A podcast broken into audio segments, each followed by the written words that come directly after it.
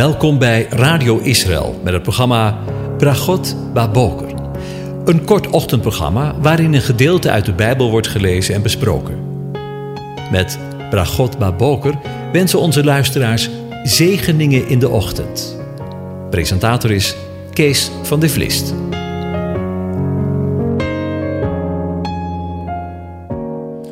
Goedemorgen, Bokatov, beste luisteraars. Ja, na drie maanden met elkaar nagedacht te hebben over Psalm 104, mogen we vandaag een start maken met na te denken over de volgende psalm, Psalm 105. Een psalm die velen van ons misschien wel kennen en spreekt over de lofzang en de trouw van de Heer. Ik hoop samen met u daarover na te denken en ik hoop dat deze overdenkingen, evenals de voorgaande keren, tot zegen mag zijn. Tot zegen van mezelf, maar ook tot zegen van u.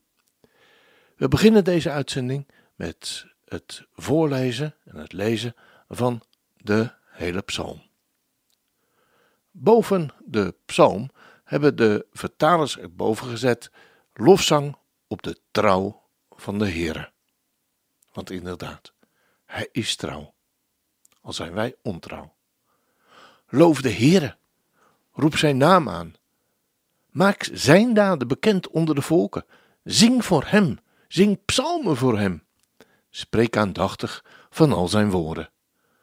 Beroem u in zijn heilige naam. Laat het hart van wie de Heere zoeken zich verblijden. Vraag naar de Heere en zijn kracht. Zoek zijn aangezicht, voortdurend. Denk aan zijn wonderen die hij gedaan heeft, aan zijn tekenen en de oordelen van zijn mond. Nakomelingen van Abraham, zijn dienaar, kinderen van Jacob, zijn uitverkorenen. Hij is de Heere, onze God. Zijn oordelen gaan over de hele aarde. Hij denkt aan zijn verbond voor eeuwig, aan de belofte die hij gedaan heeft, die hij geboden heeft, tot in duizend generaties aan het verbond dat hij met Abraham gesloten heeft, aan zijn eed aan Isaac. Voor Jacob heeft hij het vastgesteld als een verordening, voor Israël als een eeuwig verbond, door te zeggen: Ik zal u het land Canaan geven, het gebied dat uw erfelijk bezit is. Toen zij met weinig mensen waren, ja, met weinige en vreemdelingen daarin, en zij van volk naar volk zwierven, van het ene koninkrijk naar het andere volk, liet hij geen mens toe hen te onderdrukken. Ook bestrafte hij de koningen omwille van hen en zei: Raak mijn gezalfde niet aan, doe mijn profeten geen kwaad. Hij riep een hongersnood over het land af. Hij liet het volledig aan brood ontbreken. Hij zond een man voor hen uit Jozef. Hij werd als slaaf verkocht. Men drukte zijn voeten vast in de boeien. Hij zelf kwam in de ijzers. Tot de tijd van zijn woord uitkwam, heeft hij de belofte van de Heere hem gelouterd. De koning stuurde bode en liet hem vrij. De heerser van de volken liet hem los. Hij stelde hem aan tot de heer over zijn huis, tot heerser over al zijn bezit om zijn vorst te zijn, wil op te leggen en zijn oudste wijsheid te leren. Daarna kwam Israël in Egypte. Jacob verbleef als, verbleef als vreemdeling in het land van Gam. Hij deed zijn volk zeer toenemen en maakte het machtiger dan zijn tegenstanders. Hij veranderde hun hart, zodat ze zijn volk haten en zijn dienaren listig behandelden. Hij zond Mozes, zijn dienaar, en Aaron, die hij verkozen had. Zij verrichtten onder hen de tekenen die hij bevolen had en wonderen in het land van de Gam. Hij zond duisternis en maakte het duister. Ze waren zijn woord niet ongehoorzaam. Hij veranderde hun water in bloed en doodde hun vissen. Hun land wemelde van de kikkers tot in de kamers van de koningen. Hij sprak en er kwamen steekvliegen en muggen in hun hele gebied. Hij maakte hun regen tot hagel, bracht vlammend vuur in hun land. Hij trof hun wijnstok en hun vijgenboom. Hij brak de bomen in hun gebied in stukken. Hij sprak en er kwamen sprinkhanen, treksprinkhanen, niet te tellen, die al het gewas van hun land opaten. Ja, zij aten de vrucht van hun akker op. Hij trof alle eerstgeborenen in hun land, de eerste vruchten van al hun mannelijke kracht. Hij leidde hen uit met zilver en goud. Onder hun stammen was niemand die struikelde. Egypte was blij toen ze wegtrokken, want angst was voor dit volk op hen gevallen. Hij spreidde een wolk uit om hen te bedekken en gaf vuur om de nacht te verlichten. Zij baden en hij deed kwartels komen. Hij verzadigde hen met hemels brood. Hij opende een rots en er vloeide water uit, dat als een rivier door de dorre plaatsen stroomde. Want hij dacht aan zijn heilige woord, aan Abraham, zijn dienaar. Zo leidde hij zijn volk uit met vreugde, zijn uitverkorenen met gejuich. Hij gaf hun de landen van de heidevolken. Zo namen zij in bezit, waarvoor de volken hadden gezwoegd. Opdat zij zich aan zijn verordeningen zouden houden en zijn wetten in acht zouden nemen. Halleluja! Tot zover deze psalm. Ja, en zoals ik al zei, hebben de vertalers er boven gezet over de trouw van de Heer gesproken. En zo is het ook. Als je de hele geschiedenis zo leest, dan is God trouw aan zijn woord. En dan kunnen we niet altijd over dat volk zeggen. We staan vanmorgen stil, als het ware, bij op de drempel van een nieuwe psalm die we de komende tijd willen gaan overdenken. Een psalm die bij velen van ons niet onbekend zal zijn. Want wie kent de woorden niet uit de oude berijming van 1773? Looft, looft, verheugt de Heer der Heren, aanbidt zijn naam en wilt hem eren. Doet zijn glorie rijen daan, alom de volkeren verstaan. En spreek met aandacht en ontzag van zijn wonderen, dag aan dag. God zal zijn waarheid nimmer krenken, maar eeuwig zijn verbond gedenken. Zijn woord wordt altoos trouw volbracht, tot in het duizendste geslacht. Het verbond met Abraham, zijn vriend, bevestigt hij, van kind tot kind. En het laatste vers, vers 5, werd en wordt dan veelal in de kerken gezongen bij de doop van kleine kinderen. Maar heeft natuurlijk in eerste instantie, net zoals de hele psalm, betrekking op het volk Israël.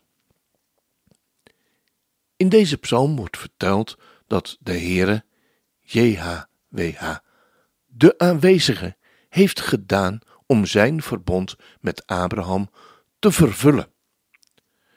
De dichter van de psalm, waarvan velen vermoeden dat het David is, beschrijft de grote machtsdaden van God bij de oorsprong van zijn volk, daden die het volk in dankbare herinnering moeten houden.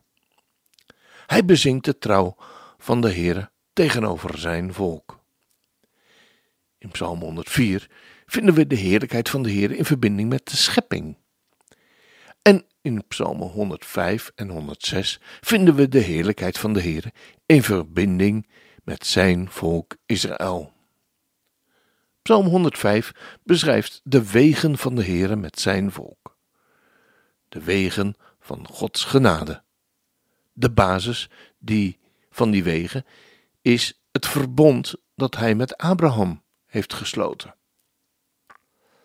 Een voorbeeld van de wegen van Gods genade zien we in de familie van Johannes de Doper. In het evangelie naar Lucas, dat wel het evangelie van Gods genade kan worden genoemd. De naam van zijn moeder is Elisabeth. En dat betekent God heeft beloofd. De naam van zijn vader is Zacharia. En dat betekent de Heere heeft zich herinnerd. Ziet u wel, beloofd en herinnerd.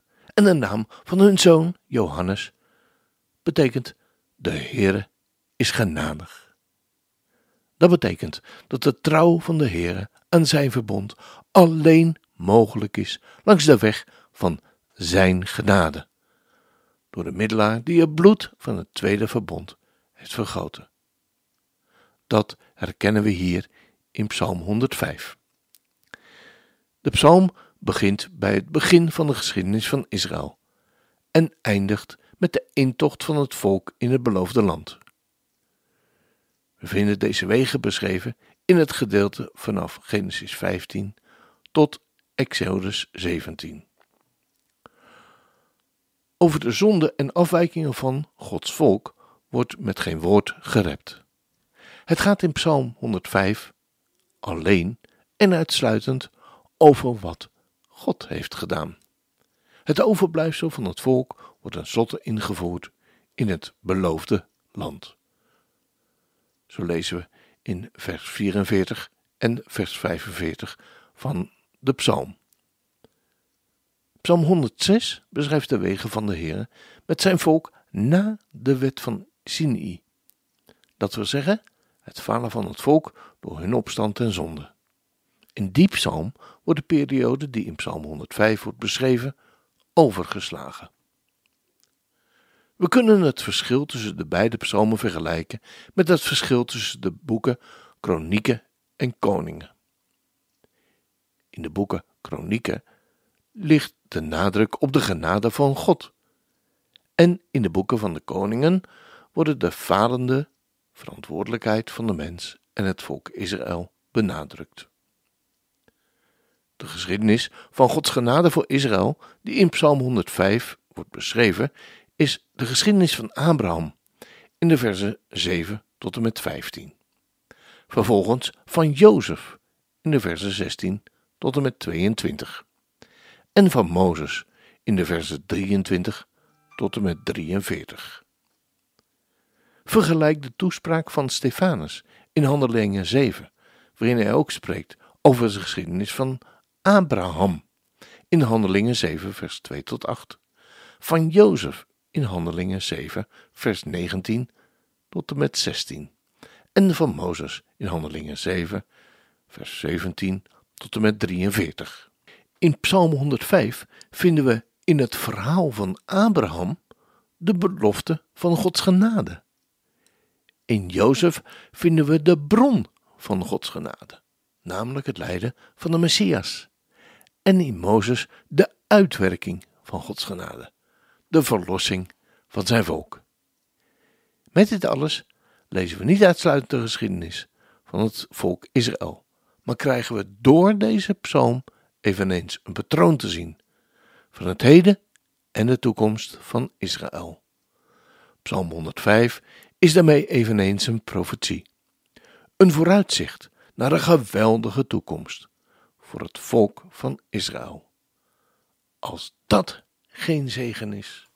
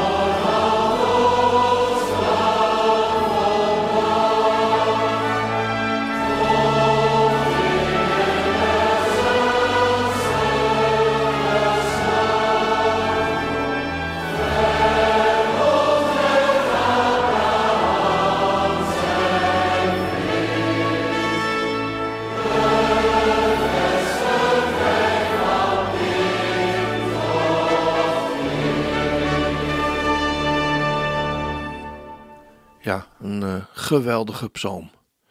En wat uh, bij mij blijft haken, dat zijn twee dingen. Daar waarmee we begonnen. Met uit te spreken dat deze psalm gaat over de trouw van de Heere God gesproken. Als ik dan ook naar mijn eigen leven kijk, dan is dat echt niet anders. Wat er ook gebeurt in ons leven. En dat kan veel zijn. En dat kan heftig zijn. En dan kunnen we totaal de verkeerde kant op gaan. Maar God blijft trouw aan zijn verbond. Want, en dat is het tweede wat bij mij blijft haken, het verbond met Abraham zijn vriend. Bevestigt hij van kind tot kind. Als dat geen zegen is. Als dat geen.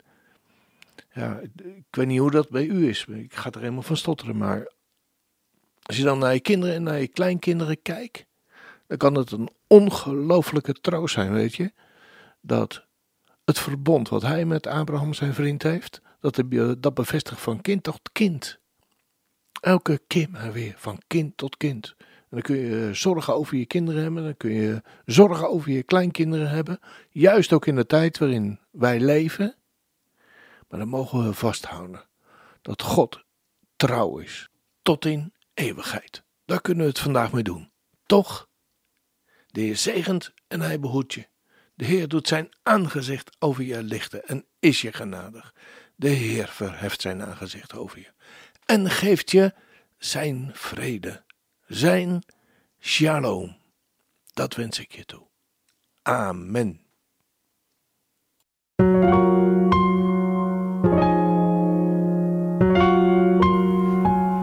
U hebt geluisterd naar het programma Bragot Baboker. Een kort ochtendprogramma waarin een gedeelte uit de Bijbel wordt gelezen en besproken. Wilt u het programma nog eens naluisteren, dan kan dat. Ga naar radioisrael.nl en klik onder het kopje radio op Uitzending gemist.